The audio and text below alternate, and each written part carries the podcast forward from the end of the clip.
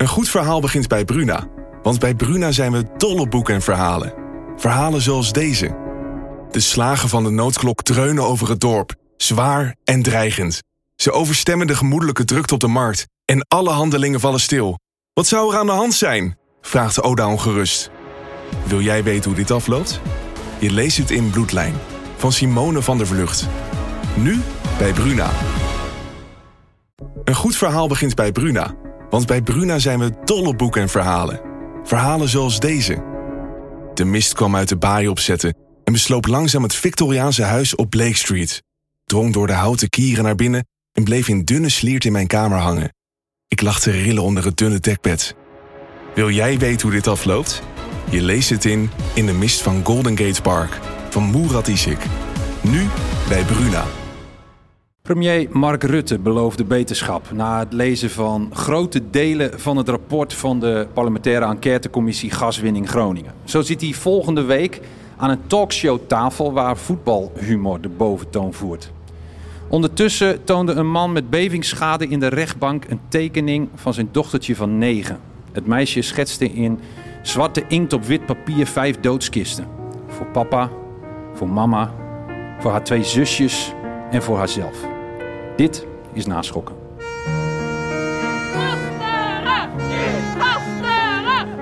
De vermindering van de gaswinning komt echt vlot tot stand. Ze liggen alles aan elkaar vast. Die word je niet goed van. Iedereen heeft er ontzettend lak aan hoe wij ons hier voelen. Het is een fact of life.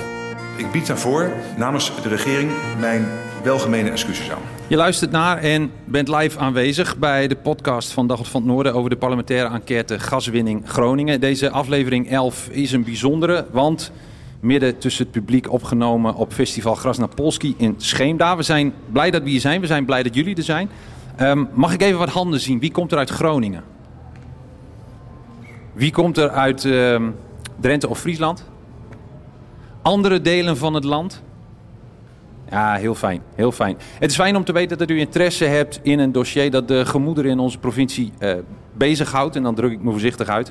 Hier aan tafel mijn twee collega's die vorig jaar zeven weken lang de openbare verhoren van de enquêtecommissie volgden in Den Haag.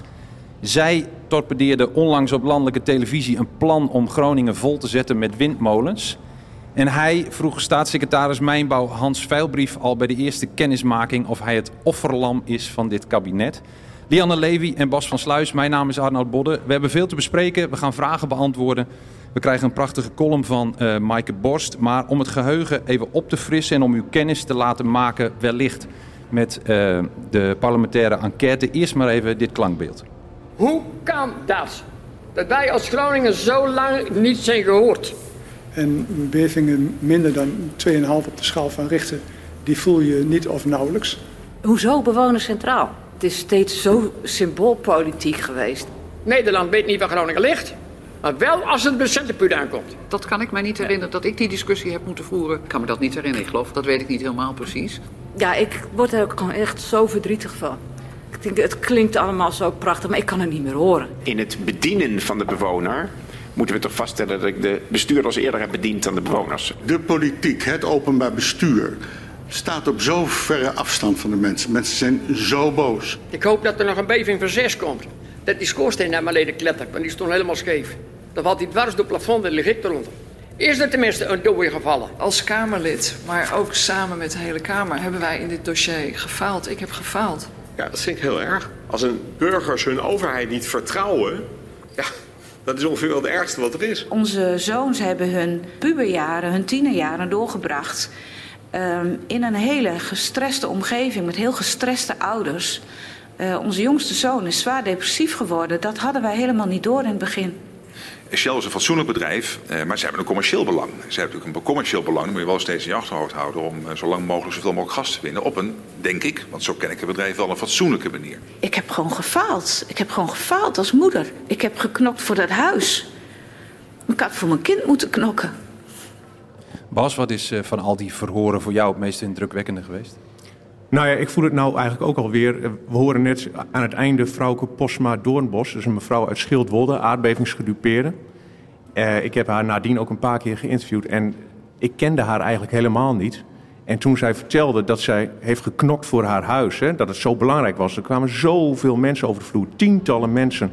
Elke dag weer, moet je je voorstellen. Doe je ogen maar eens dicht, denk aan je eigen huis. En van, dat je niet meer thuis bent, niet meer in je eigen huis bent. En dat ze daar zo mee bezig werd, dat ze zo opgeslokt, zij en haar man. Terwijl haar drie zoons, haar drie kinderen, ja, die zagen hun papa en mama daarmee worstelen, werden zelf depressief. En zij heeft dat gemist. En toen, toen ze dit vertelde, ik kan het je nog zo terughalen. Iedereen was stil. Die commissie ook, die parlementaire enquêtecommissie. Ik heb echt tranen weg moeten slikken. Nou vind ik mezelf een hele stoere vent. Maar dit, dit hakte er zo ongelooflijk in. Het, daar, hier voelde je gewoon de pijn van, van onze provinciegenoten. Lianne, iets dat we veel hebben gehoord van inwoners van Groningen. Mensen met en zonder uh, schade voor tijdens en na de verhoren. En ook uh, na het verschijnen van dit rapport was... wij wisten dit al lang. Wat is nou het belangrijkste dat mensen in de rest van het land tot zich moeten nemen?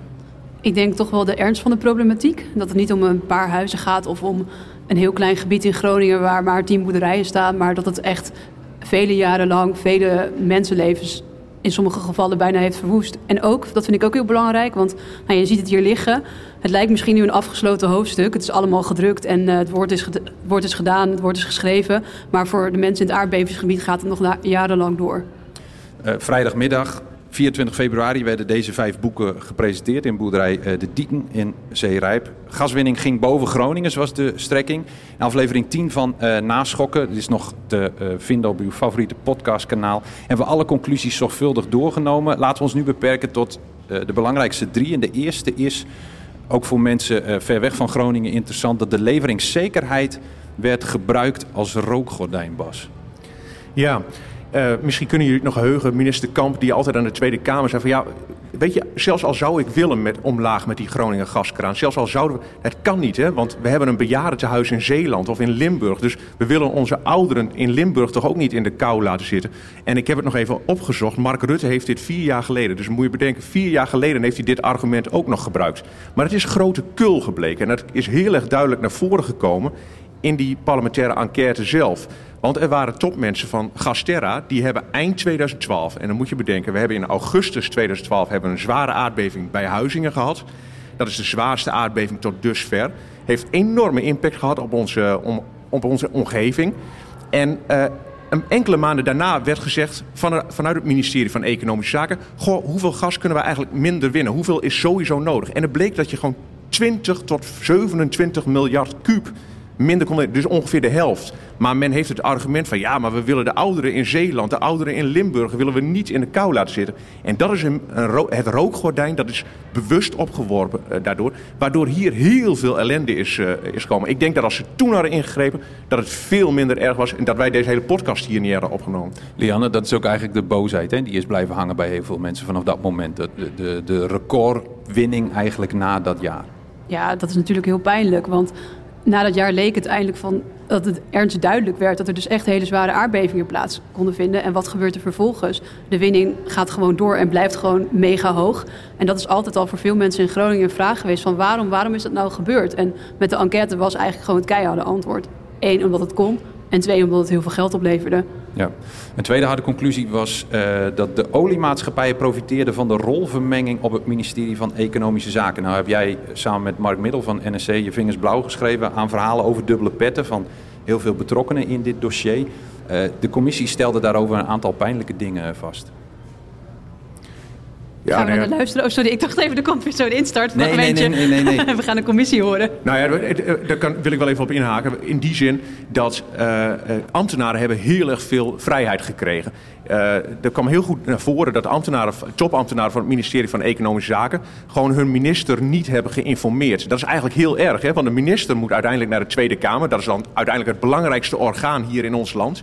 Maar minister Kamp bijvoorbeeld in dit gebied, en die valt echt heel veel te verwijten hoor, laat dat duidelijk zijn. Maar die wist niet alles, omdat topambtenaren ervoor kozen om hem niet alles dan wel half te vertellen. En die macht die zij hadden, Daar hebben die oliebedrijven, Shell en ExxonMobil, dat zijn de aandeelhouders van een Nederlandse aardoliemaatschappij, die hier in Groningen uh, het gas naar boven pompen of hebben gepompt. Ze doen het nog steeds een klein beetje. Um, maar die hebben daar optimaal gebruik van gemaakt. Want die, die oliebedrijven zijn ook niet gek. En die dachten van ja, we moeten bij die ambtenaren zijn. En door daar maar de hele tijd op te drukken, door de hele tijd maar te pushen, kregen zij gewoon invloed tot in het torentje, tot bij Mark Rutte aan toe. En dat is wel heel erg hoor. Dat, kijk, ik snap oliebedrijven in deze wel hoor. Maar als je ziet hoe uh, gestructureerd dat ging. Hoe makkelijk oliebedrijven bij Rutte, bij Kamp op de, op de koffie konden komen. En hoe moeilijk het was voor bijvoorbeeld een vrouwke Posma Doornbos om haar geluid in Den Haag en in, in het westen van het land te krijgen. Ja, dat zijn, dat zijn totale verschillen natuurlijk. En dat maakt het gewoon heel erg lastig. Laatste conclusie die ik nog door wil nemen is dat de, de kennisontwikkeling over het Groning, uh, Groningen uh, gasveld doelbewust beperkt is gehouden. Bij de start van de gaswinning in 1963 is veel expertise uh, beschikbaar over het winnen van gas. Maar kennis en expertise over de gevolgen van die gaswinning ondergronds en bovengronds, die is beperkt. Die blijft heel lang beperkt met alle gevolgen van dien. Hoe zat dat in elkaar, Lianne? Ja, die kennis die er was, die lag eigenlijk bij Shell. En daarmee bij een kleine bij NAM. Maar goed, die keken natuurlijk maar naar één ding. Die waren niet heel erg bezig met wat de gevolgen hier voor de inwoners van Groningen waren.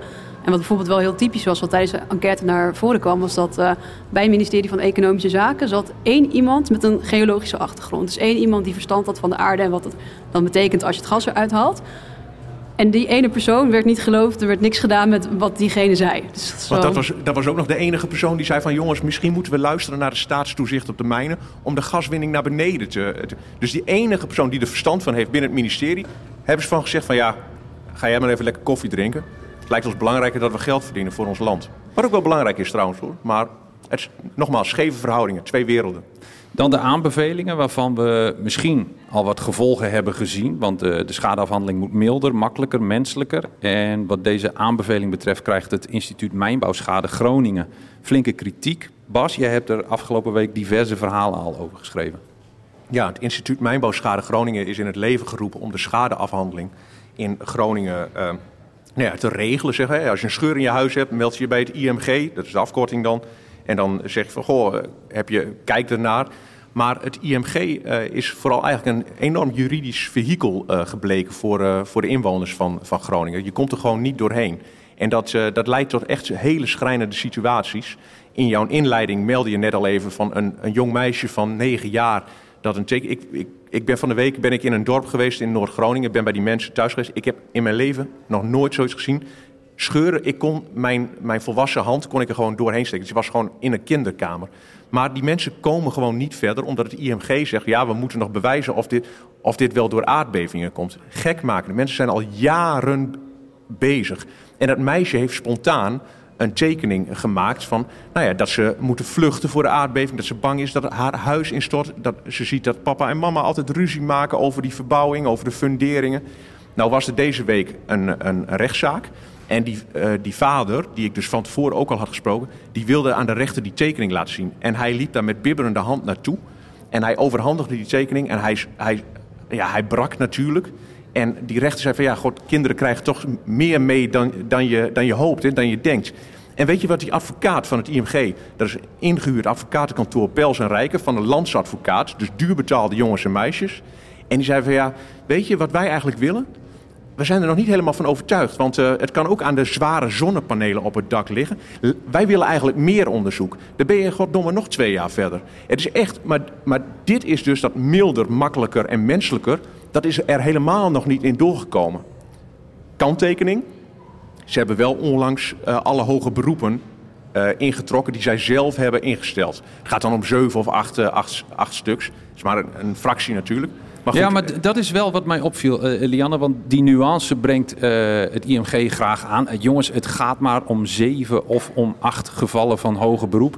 En na twee jaar ellende, soms nog veel meer, waar ze die mensen in hebben gestort, zeggen ze dan ja we hebben het ingetrokken, want die mensen moeten ook verder met hun leven. Maar dat is eigenlijk schrijnend, toch? Nou ja, het gaat er ook om dat de IMG gaat dus in hoger beroep. Omdat die mensen dus, de gedupeerden, hebben dan al gelijk gekregen van de rechter. En vervolgens gaat de IMG daar weer tegen in hoger beroep. Dus als ze willen dat die mensen verder gaan met hun leven... kunnen ze zich ook gewoon bij het oordeel van de rechter neerleggen. En dan hoeft er niet nog een zaak achteraan. Ja, wat van alle aanbevelingen vooral is blijven hangen is... Nederland heeft een ereschuld in te lossen. U hebt hem vast wel meegekregen in de media de afgelopen weken. Nou, dat rapport verscheen op een vrijdagmiddag. En maandag ochtend stonden in Den Haag drie Groningen bestuurders om aan pers en politiek een soort van boodschappenlijstje te overhandigen. Johan Remkes, kent u ongetwijfeld allemaal. De commissaris van de Koning stond daar eh, bij René Paas en de burgemeester van Groningen, Koen Schuil, eh, Schuiling. Lianne, die drie heren eh, kregen sowieso kritiek op hun timing. Hè? Ja, veel mensen in Groningen vonden het wel te snel. Die zeiden van, ga nou eerst even... Ik bedoel, knap als je dit in een weekend kan lezen. Is mij nog niet gelukt. En ga eerst even dat goed lezen. Ga naar de mensen toe in het gebied. Ga daarmee praten. Wat hebben wij nou echt nodig? Maar ja, aan de andere kant is het natuurlijk ook zo. Je moet ijzers mede wanneer het heet is. Dus daarom zijn ze denk ik ook maandag meteen die kant op gegaan. Ja, mag ik, eh, dat weet Lianne trouwens ik weet ook wel. wat jij wil zeggen, maar, in, het, in het rapport staat, uh, dat is ook wel even een belangrijk punt, de regionale bestuurders hier waren misschien, wilden misschien wel, maar zijn nooit bij machten geweest om goed voor de belangen van de Groningers op te komen. En weet je, als je dat even laat, laat inzinken, dat zijn dus Johan Remkes, Koen Schuiling, René Paas, die waren niet bij machten om voor de belangen van hun eigen bewoners. En het eerste wat zij doen, twee, drie dagen later, zijn juist deze drie heren van dat Old Boys Network, die gaan naar notabene Den Haag. Ik denk, nodig ze dan uit hier in Groningen. Gaan ze daar een persconferentie geven? Ja, het moet anders. Ik denk, ja jongens, hoe dan? Weet je, wat, ik vind het zo hol. Ik vind het zo, ik vind het zo leeg. En het bleef allemaal uh, wat vaag ook toen commissaris van de Koning René Paas de vraag kreeg om uh, concreet te worden, zei hij het volgende. Essentieel is dat er op het moment dat je zit met schade, dat je problemen snel worden opgelost door, de, door degene die je behandelt. Essentieel vind ik ook dat uh, de medewerkers van de organisaties die nu vooral bezig zijn om je formulieren te beoordelen, dat die je gaan helpen en dat die daar ook de vrijheid voor krijgen. En essentieel is ook dat voor iedereen zichtbaar budgetten beschikbaar zijn die zo groot zijn dat je er alle vertrouwen in mag hebben dat je schade en ook de versterking van je huis op tijd geregeld wordt. Lianne, wat gebeurde hier precies? Ja, ik kreeg uh, dat was tijdens de persconferentie. Daarna was er ook nog een vraag van onze collega Tristan Braakman van RTV Noord. Van, kan je het nou even concreet zeggen? Maar, ja, was, maar was dit nou concreet? Ah, denk niet genoeg. Nee. nee. nee, maar het is het, heel, het hele lastige eraan. Van, want, want, wat ze zeggen is natuurlijk ook wel wat iedereen wil. Maar hoe gaan we het nu voor elkaar krijgen? Maar daar hebben wij het ook wel eens over gehad. Want jij vroeg toen een keer aan Bas van... ja, maar hoe zou je het dan concreet zeggen? Toen kwamen we er ook niet helemaal uit. Nee, maar aan de andere kant... en dan kom ik toch weer terug bij dit punt. Van je, je hebt te horen gekregen... je hebt de belangen niet goed genoeg uh, kunnen behartigen voor onze inwoners. Dan ga je niet met de eerste de beste postkoets naar, naar Den Haag om dit soort vage retoriek, dan ga, je, dan ga je het gebied in. Dan organiseer je dingen en dan zeg je van, goh, weet je, laten we een paar avonden met elkaar organiseren. Wat, laten we een heel jaar met elkaar, met de bewoners, wat willen jullie nu eigenlijk? Kijk, het belangrijkste, schade, versterking, dat moet geregeld zijn. Maar wat willen we daarna? Want kijk, die ereschuld die bestaat wel.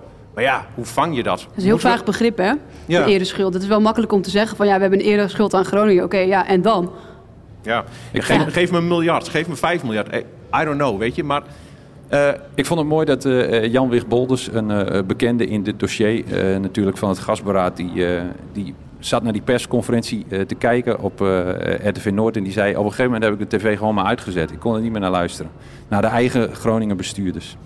Um, en dan moeten we het maar eens hebben over de politieke verantwoording.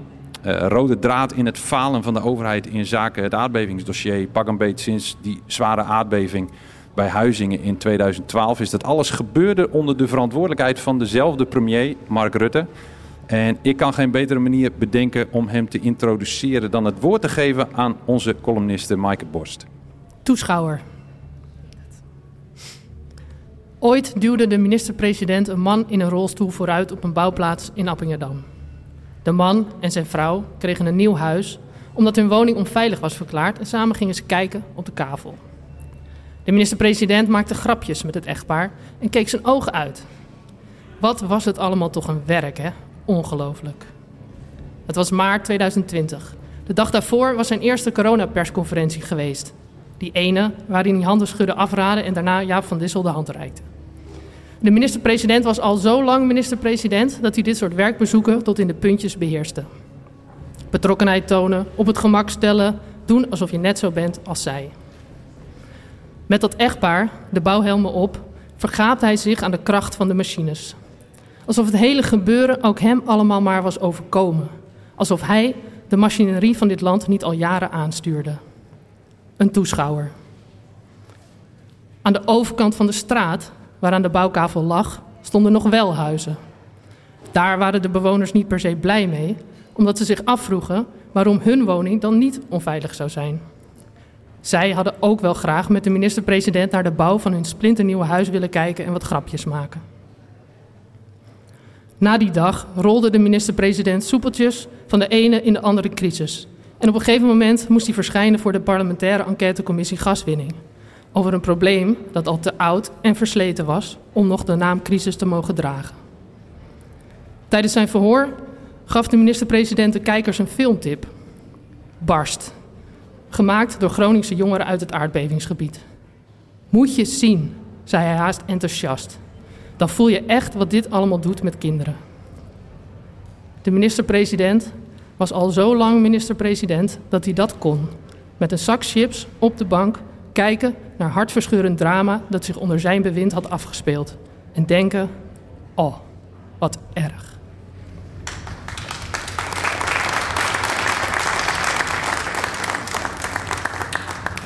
Maaike, dankjewel. Lianne, dat zo'n uh, rapport van een enquêtecommissie eerst gelezen moet worden, dat is duidelijk. Uh, er ligt hier nogal wat op tafel. We zijn bijna 2,5 week verder. Hoe uitzonderlijk is het dat we van Rutte en het kabinet nog geen reactie hebben? Ja, dat heb ik even opgezocht. En uh, we hadden natuurlijk in 2021 het rapport van de toeslagenaffaire. Ja. Dat is in de, eind december uitgekomen. En toen moest eerst Lodewijk Asscher aftreden. Een dag later volgde de inhoudelijke reactie van het kabinet. Dus dat duurde ook ongeveer anderhalve maand. Ja. Ja. Rutte's eerste reactie was wel heel sumier. Meteen na het verschijnen, dat kwam hem op flinke kritiek te staan. Hij kwam daar afgelopen vrijdag op terug tijdens de persconferentie na de ministerraad. Ik heb hier uh, twee weken geleden, dat was de dag dat het uh, Groningen uh, enquêterapport verscheen, een eerste reactie gegeven. En de toon van die reactie was gewoon niet goed. Ik heb die kritiek gehoord en ik vind ook zelf dat ik dat niet goed heb gedaan. Uh, ik was eerlijk gezegd vermoeid na een drukke week, maar dat mag natuurlijk geen excuus zijn. En ik zal proberen dat vanaf nu beter te doen. Dat verdient het rapport en dat verdienen ook de Groningers. Want het gaat om een heel belangrijk rapport. Ik heb inmiddels ook zelf grote delen van het rapport kunnen lezen. En iedereen die het leest, die zal beamen dat de conclusies van de commissie, dat die conclusies hard en ook pijnlijk zijn. Het laat zien dat veel mensen hard zijn geraakt. Dat mensen zich onveilig en in de steek gelaten voelen. Dat er nog altijd een flink aantal mensen in de onzekerheid zit. En dat veel dingen niet goed zijn gegaan in de afgelopen jaren. Dat vind ik heel erg en dat trek ik me ook persoonlijk aan. Bas, dit is een reactie uh, op zijn eerdere reactie, eigenlijk inhoudelijke reactie. Daar, daar moeten we echt nog op wachten. Jij hebt eerder Hans Veilbrief, uh, de staatssecretaris Mijnbouw, gevraagd of hij het offerlam van dit kabinet was. Maar mensen in Groningen willen hem eigenlijk helemaal niet kwijt. Waarom is dat? Um, omdat hij in elk geval blijk geeft van betrokkenheid. Hij is uh, met enige regelmaat is hij in de provincie en hij blokkeert gewoon een heel deel van zijn agenda. Hij, hij is hier twee, drie, vier dagen in de maand, is hier sowieso. En hij blokkeert gewoon een heel deel van zijn agenda om gewoon met inwoners te praten. Om zijn armen uh, om de schouder te slaan, zeg maar. En het wordt heel erg, heel erg gewaardeerd. Um, en hij wil nu ook echt doorpakken, heb ik het idee. Want het IMG, we hebben het er net al over gehad, die hebben het hoge beroep ingetrokken. Maar dat is wel gebeurd nadat Hans Veilbrief heeft gezegd: hey, IMG, het is wel klaar, jongens. We hebben hier een rapport. We hebben die Groningen zo verneukt met z'n allen. Dat zijn mijn woorden, hè, maar het kwam er eigenlijk wel op neer. Doorpakken nu. Dus hij krijgt dat wel voor elkaar. IMG zegt, ja, daar waren we eigenlijk al altijd van plan. Nou ja, weet je, van die, van die teksten. Maar um, ja, dat. Maar oké, hij zegt dat. Ik hoor Mark Rutte, toch de baas van ons land, en van politiek gezien. En ik denk van, joh, weet je, ik, was, ik, ik heb verhalen geschreven vlak na Huizingen en dergelijke. Ik hoor dit soort teksten al 10, 12 jaar van Mark Rutte. Ja, maar dat is ook precies wat in het rapport staat. Hè? Want in, hij heeft het wel over een kritisch rapport, maar hij vergeet erbij te zeggen dat het rapport ook heel kritisch is op hem. In het rapport staat van ja, Mark Rutte komt langs, die doet een bezoekje, die biedt zijn excuses aan en er verandert niks. Lianne, kan, kan alleen de premier eh, vervangen worden? Want dat zou voor Groningen zou dat misschien wel de ideale uitkomst zijn, of niet? Ja, ik heb vrijdag even Wim Voermans gebeld, hoogleraar staatsrecht. En gezegd van, goh, in Groningen zijn ze eigenlijk wel blij met... Hans vuilbrief kan Hans uh, vuilbrief gewoon blijven zitten en dat Rutte dan weggaat. Maar dat kan dus niet. Het is al sinds 175 jaar, toen kwam er een heel ingewikkeld verhaal. Dat zal ik je niet uh, aandoen om dat nu na te gaan vertellen. Maar al 175 jaar is het niet meer gebeurd dat alleen de premier aftreedt en de rest van het kabinet blijft zitten. Want de premier is ook de formateur. Dus die heeft eigenlijk de ministers en de staatssecretarissen aangewezen. Dus als hij gaat, dan valt het kaartenhuis in één en dan moet maar, iedereen gaan. Maar Jan-Peter Balkenende is toch ook een keer vervangen... toen hij een vleesetende bacterie aan zijn voet had of iets dergelijks? Dat weet ik niet. Wens jij, wens jij, wens Oh, jij ja, de premier ben nu een wel vleesetende bacterie toe? Nee, nou ja, nee, ik wens Ja, maar kijk, hij, absoluut geen hij kan wel vervangen worden bij ziekte, maar dat is iets anders dan dat hij vervangen wordt en niet meer terugkomt natuurlijk. Nee, zou wel een zegen zijn. Ehm, dan zijn we toe aan de vragen van u hier in de zaal op eh, eh, Festival Grasland Polski in de toekomst in Scheemda. Maar de eerste vraag die ik even op tafel wil leggen is eh, binnengekomen via e-mail. Die is van Yvonne Morselt uit Groningen. Zij zegt en vraagt een aantal dingen. De indruk blijft bestaan bij velen die ik spreek dat ook voor onze bestuurders, de provincie voorop, de nadruk meer blijft liggen op geld voor de regio als geheel dan op het adequaat oplossen van problemen en eh gedupeerden. Hoe zorgen onze regiobestuurders zelf voor verandering? Hoe gaan zij zelf anders eh, werken? Want zij maken eigenlijk eh, deel uit van het systeemfalen. En wanneer komt er vanuit onszelf, de inwoners, met voldoende participatie van burgers het zogenoemde masterplan met een strik erom, zoals collega Johan de Veer dat vorige week eh, zei, zoals we dat ook ooit gehad hebben van eh, de commissie Meijer. Bas. Nou ja, ik, ik heb het een klein beetje eerder gezegd. Ehm, eh, dus Yvonne, dankjewel voor je vraag. Maar ik denk dat in plaats van dat we een paar regionale bestuurders naar Den Haag sturen... dat wij eerst eens even een paar mensen... Ik denk aan een Suzanne Top, staat hier zeer goed bekend, inhoudelijke vrouw... eh, zeer nauw betrokken bij dit hele gebeuren, was ooit secretaris van het Gasberaad. Dat we haar en enkele andere mensen aanwijzen en zeggen van... nou, jullie hebben een commissie, gaan jullie met een karavaan door eh, de provincie Groningen, door het Ommeland... Ga met eh, lokale bestuurders, maar vooral ook met mensen in gesprek. Wat wensen jullie eigenlijk? Nogmaals, eerst goed versterken. Eerst zorgen dat die schadeafhandeling geregeld Maar daarna die ereschuld, dat, dat, dat- wat nog steeds een beetje een hol woord is wat mij betreft. Maar eh, om die in te lossen. En dat zij daar met een klein rapportje komen. Ja, helaas, het is een rapportje. Maar dat je dan beter naar Den Haag kan gaan. En zegt van jongens, wij hebben, eh, wij hebben met inwoners van Groningen gesproken. Dit is ongeveer de rode draad. En regel het nou maar. Wij hebben jullie zoveel gegeven. Kom nou maar even terug. Dan kijk ik de zaal in. Daar staat een microfoon. Het zijn de mensen die een vraag willen stellen. Eh, Maarten, ik kom uit Brabant. Ehm, ja, ik was wel benieuwd. Het ging over dat Old Boys eh, Network. En in 2018 is Hans Alders eh, afgetreden. Eh, die had een grote rol ook als nationaal coördinator Groningen eigenlijk al vanaf 2015. Dat ging met best wel veel aplomp toen. en ook alsof, ja, maakte zichzelf bijna een soort martelaar van de situatie. Ik vroeg me eigenlijk af, wat heeft dat nationaal coördinator Groningen gedaan dan tussen 2015 en 2018? Hoe waarderen jullie dat? En was het ook wel gepast om dan zelf op die manier af te treden... terwijl er misschien wel veel meer had kunnen gebeuren... om ook aan Den Haag duidelijk te maken eh, hoe serieus de situatie was? Nou, voor Hans Alders, die had toen, ehm, dat was wanneer hij stopte, dat gebeurde tegelijkertijd met dat eh, de gaskraan was aangekondigd dat hij naar nul zou gaan. Dus geen gas meer winnen uit Groningen. Maar vlak daarna maakte Erik Wiebes, die toen minister van Economische Zaken was, bekend dat ook de versterking gepauzeerd zou worden. Dus het veilig maken van de huizen in Groningen. En dat was voor Hans Alders gewoon niet werkbaar. Want hij zei, ik heb al naar duizenden mensen een versterkingsadvies gestuurd. Die mensen verwachten dat er nu eindelijk, na jaren, dat er wat aan hun huis gaat gebeuren. En dan moet ik nu zeggen van, dat gaan we niet meer doen.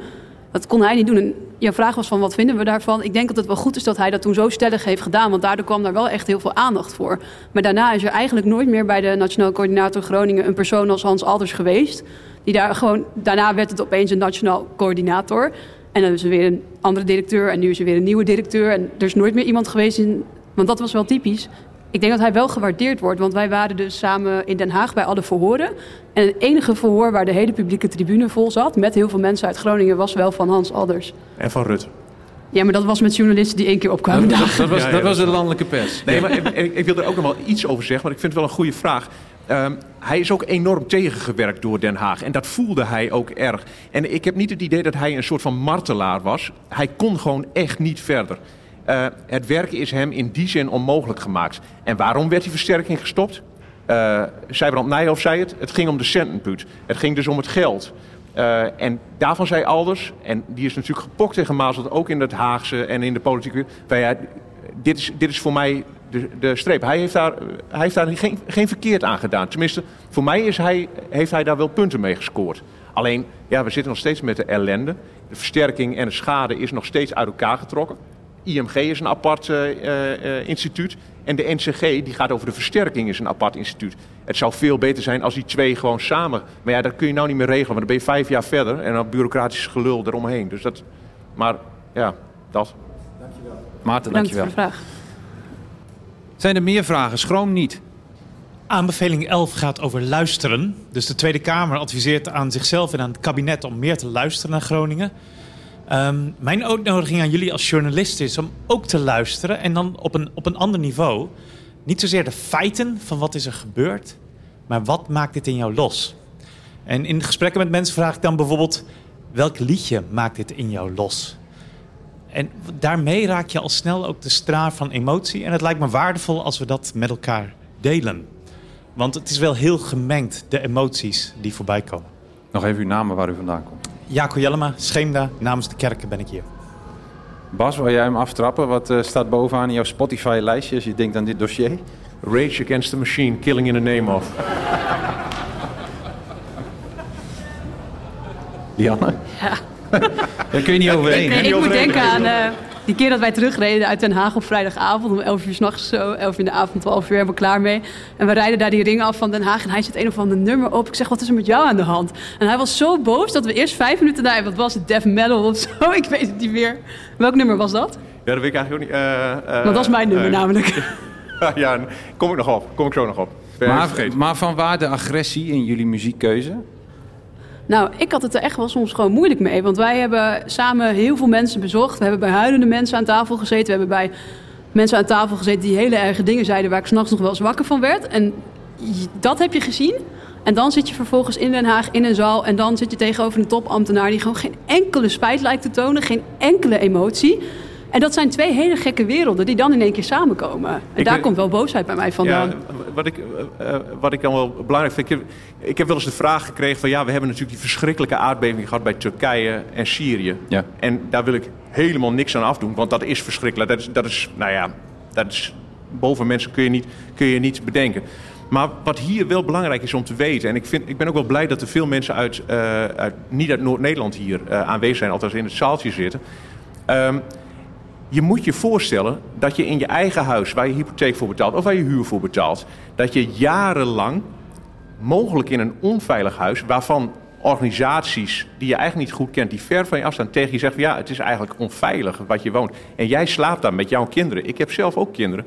Dat wil je eigenlijk niet. Dat gaat aan je vreten, dat gaat aan je knagen. En dat jarenlang. Weet je? En dat met de bureaucratische molen. En dat is wel heel, heel, heel naar hoor. Nogmaals, het, het, andere verhouding met Turkije en Syrië wil ik helemaal niks van. van maar dit, dit is echt een, een ramp in slow motion. En dat, dat proef je aan alles. We hebben nog een vraag. Ja, je, je noemt het eigenlijk al een beetje op. Uh, uh, jullie gevoel zelf, betrokkenen bij wat hier gebeurt, dat misschien wel uit in muziek. Ik ben beeldend kunstenaar, Jos uit uh, Zuid-Holland kom ik. En um, het valt mij op dat het soms best lastig is als je hier niet vandaan komt. Ik ben via Grasnepolski wel een aantal keer in deze regio geweest met steeds meer interesse. Maar de vraag rijst wel soms, wat, wat moet je daar buiten Groningen uh, erbij voelen? En wat kan je concreter maken dan dat gevoel om hier aan bij te dragen? Natuurlijk goed stemmen. Lijkt me duidelijk. Of weg, iemand wegstemmen. Of, Um, het lukt maar niet, hè? Nee, dat is moeilijk. Maar de concretere vraag is: wat kunnen wij, zeg maar, buiten de provincie Groningen, als je er niet zo. Jij noemt het voorbeeld van stel je voor je eigen huis, maar dat blijft lastig om voor te stellen dat je eigen huis zou gaan trillen. Wat kun je daaraan doen? Wat kunnen jullie ons meegeven als wij weer vertrekken uit deze provincie straks? Ja, maar bedenk, bedenk even dit.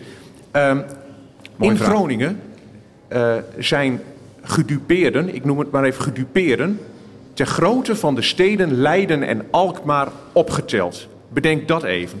Dat Leiden en Alkmaar samen één stad en al die mensen die daar wonen, die zitten in de shit. Die zitten in de ellende. Die slapen slecht. Die krijgen de hele tijd vreemde mensen over de vloer. Die hebben huilende kinderen. Kinderen die zich afvragen van... ja, papa en mama, waarom maken jullie de hele tijd ruzie? Want dan word je weer s'avonds gebeld. Kijk, jij en ik gaan eh, werken tussen, van 9 tot 5 bewijzen van. We gaan om 5 uur naar huis. Ik ben wel bezig met die aardbeving, maar om 5 uur is het voor mij bewijs van klaar. Hè? Eh, mijn chef zit hier ook ergens. Nee hoor, ik ben de hele dag wel bezig. Maar eh, mensen die in die ellende zitten, die komen na een dag werken 5 uur thuis. En die slaan een multimap open tijdens het aardappels koken. En die moeten bezig met het IMG, met de NCG, met al die regelingen die er, die er, die er zijn al die beloften die gedaan zijn door politici, en niet alleen meneer Rutte, hoor, want ik vind het ook flauw om alleen maar naar Rutte te wijzen, maar uh, dat, dat doet wat met een mens. En dat doet wat met het vertrouwen van een mens in, in anderen. En ik krijg het vinger, als ik er nog. Uh, ik wil daar nog één ding over zeggen. Hier in Groningen groeit een generatie kinderen, jongeren op, die zich afvraagt: moet ik nog wel stemmen? Wat mensen tegen uh, mij zeggen uit Den Haag of de, de rest, kan ik dat wel vertrouwen? Nee, zeggen ze dan. En dat is natuurlijk heel ernstig. Dat is een side effect, maar wel een heel ernstig side effect van een provincie dat gewoon Nederland is. Hè? Ik ben net zoals jij Nederlander. Dus ik heb dezelfde rechten als jij. Mag ik ook nog even wat zeggen? Ja, ja, nou ja, want het is een prachtig uh, lang antwoord. Maar het is geen antwoord op de vraag. Want volgens mij was de vraag... Uh, oh, sorry. wat je kan doen. Wat, wat, kunnen, wat kunnen wij eraan doen zodat dat uh, beklijft in de rest van Nederland? Ik presenteer nee, maar was. Ik heb weer een heel andere perceptie van de vraag. Dat is toch ook wat jullie zouden kunnen doen, toch? Wat jullie zouden kunnen doen, dus mensen die niet uit Groningen komen... is lees je in, neem het probleem serieus. Verdiep je erin, praat erover met andere mensen. Nou ja, dit niet per se, maar wij hebben ook allemaal hele leuke verhalen geschreven en uh, tien podcasts gemaakt en zo. Nee, maar neem het gewoon serieus, want dat vind ik echt zo irritant. Want ik heb heel veel vrienden in de Randstad en dan kom ik daar en dan zeggen ze van, oh ja, maar er is toch niet zoveel aan de hand. Dat zijn toch maar een paar huizen. En als je het gewoon serieus neemt, en, want het gaat niet alleen eigenlijk over Groningen, hè, want het gaat over de overheid en het kan jou ook gebeuren als je maar ergens anders woont. Dus dat, vind ik, dat denk ik, dat kan je dan doen. Neem het serieus, lees je erover in. En als er weer een keer een demonstratie is, kom ook een keer. We hebben wel vaak fakkeltochten hier in Groningen. Doe mee. Geef steun. Prachtig. Ze, ze, zijn digitaal ook te vinden trouwens. Het hoeft niet zo in zo'n boekwerk. Maar als u naar onze website gaat, www.dvhm.nl... en u, en u zoekt op uh, uh, Groningers boven gas, het rapport van de enquêtecommissie... dan uh, staat daar een linkje. Dan kunt u, kunt u ze lezen. Is, is zo de vraag beantwoord of nog niet helemaal? Jawel, jawel. Ik denk dat we daar wel uh, natuurlijk uh, uh, mee op pad kunnen door, door het serieus te nemen. En gewoon serieus, dat, ik denk dat we dat hier aan het doen zijn. Een ander ding, jij noemde het woord ereschuld, wat, het, het holle begrip, dat snap ik. ik. Toen ik het hoorde, dacht ik ook, ja, wat, moet ik, wat moeten we daarmee? Wat, wat kan je met dat woord? Als beeldend kunstenaar denk ik graag in beeldvorming, in hoe je, hoe je zo'n woord misschien kan omkeren, zodat je er iets mee kunt voor de toekomst. En misschien moet je een, er iets tegenover zetten. En ook makers, beeldend kunstenaars, muzici vragen van... wat voor ereplan gaan we maken? In plaats van dat het vanuit een schuld wordt bekeken. Want er is een schuld wel degelijk. Dat moet die, die herstelwerkzaamheden en alles... Moet, die schuld moet ingelost. Maar er moet ook een plan voor daarna. Dus ik zou... Misschien kun je daarover laten over nadenken of over spreken. Mooi, ja. mooi. Hij zat de laatst na te denken over een plan... En over wat moet er nou Groningen 2050 bijvoorbeeld. En toen zei iemand tegen mij, dat vond ik echt heel mooi. Want hier in Groningen wordt heel vaak gezegd van we zijn een windgewest. En iemand zei laten we proberen een overwindgewest te worden. Dat vond ik wel mooi, ja. Mooi. Ja. Is er nog iemand die een laatste vraag wil stellen? Dat past nog net. Toch? Ja, onze floor manager is, uh, is uh, een groot liefhebber van uh, Bruce Springsteen. Daar loopt het altijd uit. Dus, dus, dus ne de deze nemen we nog mee. Ik hou het heel kort. mijn naam is Jan Buist en ik heb in Warfum gewoond. 19 jaar en ik woon heel lang in de Randstad in Achterhoek. En ik verbaas me toch met enige regelmaat waarom de Groningers dit allemaal pikken. En ik hoor jullie ook zeggen, klimaattafel, dit tafel, overlegtafel. Ik denk, daar moet echt een beetje vanaf. En ik zou jullie willen vragen als journalist van waarom pikken Groningers dit? En in het vervolg ook, hè, dus er komt vast een vervolg op. En ik zou eigenlijk jullie willen meegeven, waak voor commissies en clubjes die dit allemaal weer gaan uitzoeken. Juridisch of hoe dan ook. Je kan ook gewoon met de aannemer aan de slag gaan. Wat is de schade? En dat gaan we gewoon maken. Keep it simpel. Dat zou mooi voor het vervolg zijn. En voor de mensen die zeggen van nou, ik wil eigenlijk wel een beetje weten hoe het zit. Je hebt een hele mooie animatie, dat heet dan Varkentje Rund. Oh, ja. Ik weet niet of jullie dat kennen. Ja. En dan moet je maar eens googelen. Varkentje Rund. Uh, NAM heet dat geloof ik, of oliewinning. En dat filmpje spreekt voor zichzelf. Mensen die niet uit de Randstad komen. Grappig, er komt een meneer van de NAM, die komt de schade opnemen. Maar die zegt, nee, is geen schade, want dat valt net buiten het NAM-gebied. En die man die, en zegt, ja, kunnen we niks aan doen. Schade gaan we niet vergoeden. En dan komt die man bij zijn auto, die heeft een Porsche meegenomen, zo'n cabrio. En heeft een geit, heeft alles opgegeten. En dan zegt de man, ja, dan moeten jullie betalen, want die auto die is helemaal kapot. Nee hoor, een typisch gevalletje valt niet binnen de schade. Ik heb het al een beetje verklapt, maar die moet je maar eens kijken. Als je ook een stukje eh, luchtigheid erin. Ja, heel goed. Maar ik zou voor jullie journalisten, nou ge- eh, probeer zoveel mogelijk of te kijken waarom pikken Groningers dit. Hoef nu geen antwoord op te geven gezien de tijd. Maar dat verbaast me wel en die clubjes moet je eigenlijk ver van weg blijven. We hebben, het wel Aldus. vaker, we hebben het wel vaker gezegd. Als dit in Amsterdam was gebeurd, dan was het gisteren opgelost. Wat? Dan was het tien jaar geleden opgelost. zit En, dat is, en dat is, een, dat is een, een gevoel bij, bij, bij ons, zeg maar. Maar zo, zo zit het wel. Zit het ook niet een beetje in de volksaard dat, we, dat er heel Zeker. veel gepikt wordt en dat we niet meteen op de achterste poten staan? Zeker. Er is wel geprotesteerd. Hè? Het is Zeker. ook niet alsof er niks is gedaan. En er zijn ook actiegroepen geweest en er zijn demonstraties geweest. En er is genoeg. Het is niet alsof ze helemaal niks hebben gedaan, maar die afstand is gewoon te groot. En ook de kritiek eh, staat hierin dat er vanuit landelijke media, niet dat wij alles goed hebben gedaan, maar dat, er ook, eh, dat het lang heeft geduurd voordat daar oog voor was vanuit de rest van het land voor wat hier gebeurde. Maar dank. Varkentje Rund vond ik een mooie om mee af te sluiten. Ehm, heb u nou toch nog vragen of wilt u gewoon een praatje maken? Ehm, of op de foto's met mijn collega's? Dat kan allemaal. Eh, na de opname hebben we nog alle tijd voor u. Ehm, deze speciale aflevering van Naschokken werd gemaakt door Lieselotte Schuren, Wim Brons, Maaike Borst, Bas van Sluis, Lianne Levy. Mijn naam is Arnoud Bodde. Dank aan de organisatie van eh Grasnapolski. Dank dat u hier in de zaal naar ons wilde luisteren ehm, over een onderwerp, een dossier waarover we nog lang niet uitgepraat zijn. Waar duizenden mensen in Groningen dagelijks mee te maken hebben. Ver weg van hier ehm, is wel eens gezegd, waarom verhuizen die mensen dan niet? En wie die vraag stelt, die kent ons Groningenland niet.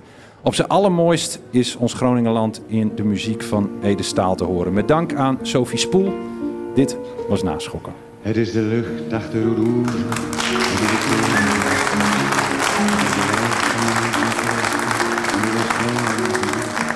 Het ben de meulens, ben de moer.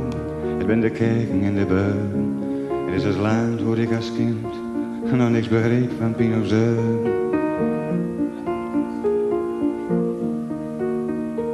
Het ben de meulens, het ben de beun. Het is een doevertillende stroet, het is een oude bakkerij. Ik ben de grote boerenplotsen, van waar we mosket zo naar mij. Het is de waard, het is de hoven, het is het koolzoot in de blui. Het is de horizon bironen, vlak noorden dunne bui. Dat is Milaans, mijn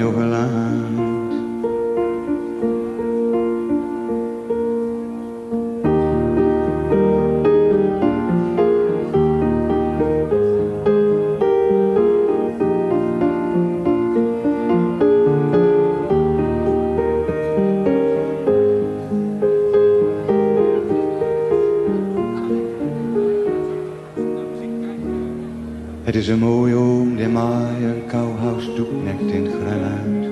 Ik heb voor het eerst hem verkeer en vuil de vonk van die naams. De wilde plan die ik had, komt zeker niks meer van terecht.